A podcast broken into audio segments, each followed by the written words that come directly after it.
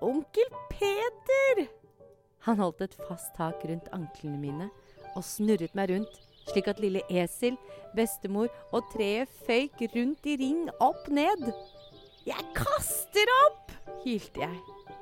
Han snurret meg likevel rundt tre ganger til før han satte meg ned. Jeg tok fem snubleskritt, mista balansen, falt oppi et kar med vann. Han lo da han løftet meg opp igjen, slang meg over skulderen og løp en runde rundt bestemor som satt på tenkesteinen. Plutselig tok hun seg til brystet og stønnet. Onkel slapp meg ned og var borte hos henne på et sekund. Modige onkel Peter så plutselig liten og redd ut. Latteren som hadde boblet i kroppen min, trakk seg sammen til en liten svart klump, og de dumme tårene dukket opp igjen. Jeg tror onkel Peter så øynene mine, for han fortet seg å si at jeg skulle løpe bak huset til bestemor og se hva han hadde lånt til oss. Jeg lover deg, denne overraskelsen blir du glad for, Lydia. Jeg så dem allerede før jeg rundet hushjørnet. De to hestene var nesten like høye som bestemors lille hus. Helt ekte hester! Jeg syntes du skulle få noe annet å tenke på, sa onkel og løsnet dem. Jeg tror Thomas måtte ha luktet eventyr, for han kom liksom tilfeldigvis rundt hushjørnet. Er det du som er eselpasseren Thomas? Det var du som ropte Hosianna, var det ikke? Jeg tror du har gjort deg fortjent til en ridetur, du også. Onkel Peter løftet Thomas opp på hesten sin, før han hjalp meg opp på den andre. Han ropte 'Til Betlehem!' Så høyt at Thomas måtte holde seg for ørene. Dette er annerledes redd. Dette er deilig redd, rakk jeg å tenke. Før vi red så fort at alle tankene forsvant. Vi stanset på en høyde ovenfor Betlehem, det stedet vi hadde flyttet fra for et år siden. Jeg hoppet ned på bakken og falt ned på magen. Jeg var så sliten i kroppen at jeg ikke klarte å holde meg på beina. Thomas var nok fremdeles litt redd, for han sa ikke et ord. Jeg var ikke sikker på om han noensinne hadde ridd før. Kanskje ikke på esel engang. Onkel pakket ut vannet, oliven og brød, og da kviknet Thomas til. Hendene mine luktet hest, og ansiktet var svett og støvete. Men her var det ingen Jerusalem-damer som rynket på nesen. Endelig var jeg hjemme igjen. I flere timer fortalte onkel Peter historier fra de siste årene. Han og de andre vennene hadde opplevd mer enn jeg trodde var mulig. Onkel fortalte om en matpakke som hadde mettet flere tusen, syke som hadde blitt friske, og han sa til og med at han hadde gått på Genesaretsjøen.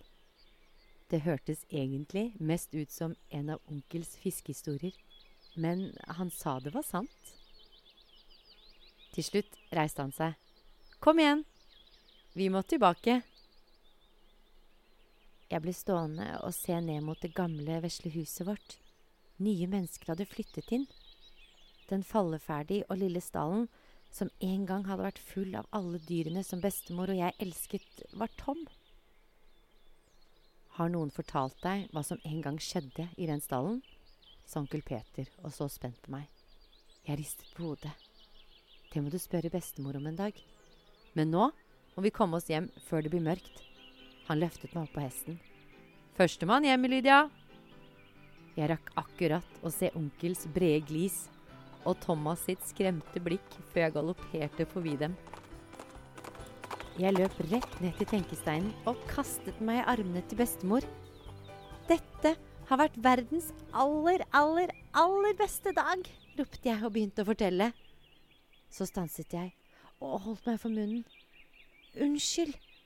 Jeg glemte helt at Ja, jeg glemte liksom helt at du snart skal Jeg trakk pusten dypt. Men det siste ordet kom likevel bare ut som et stille pust. Død. Bestemor trakk meg inntil seg.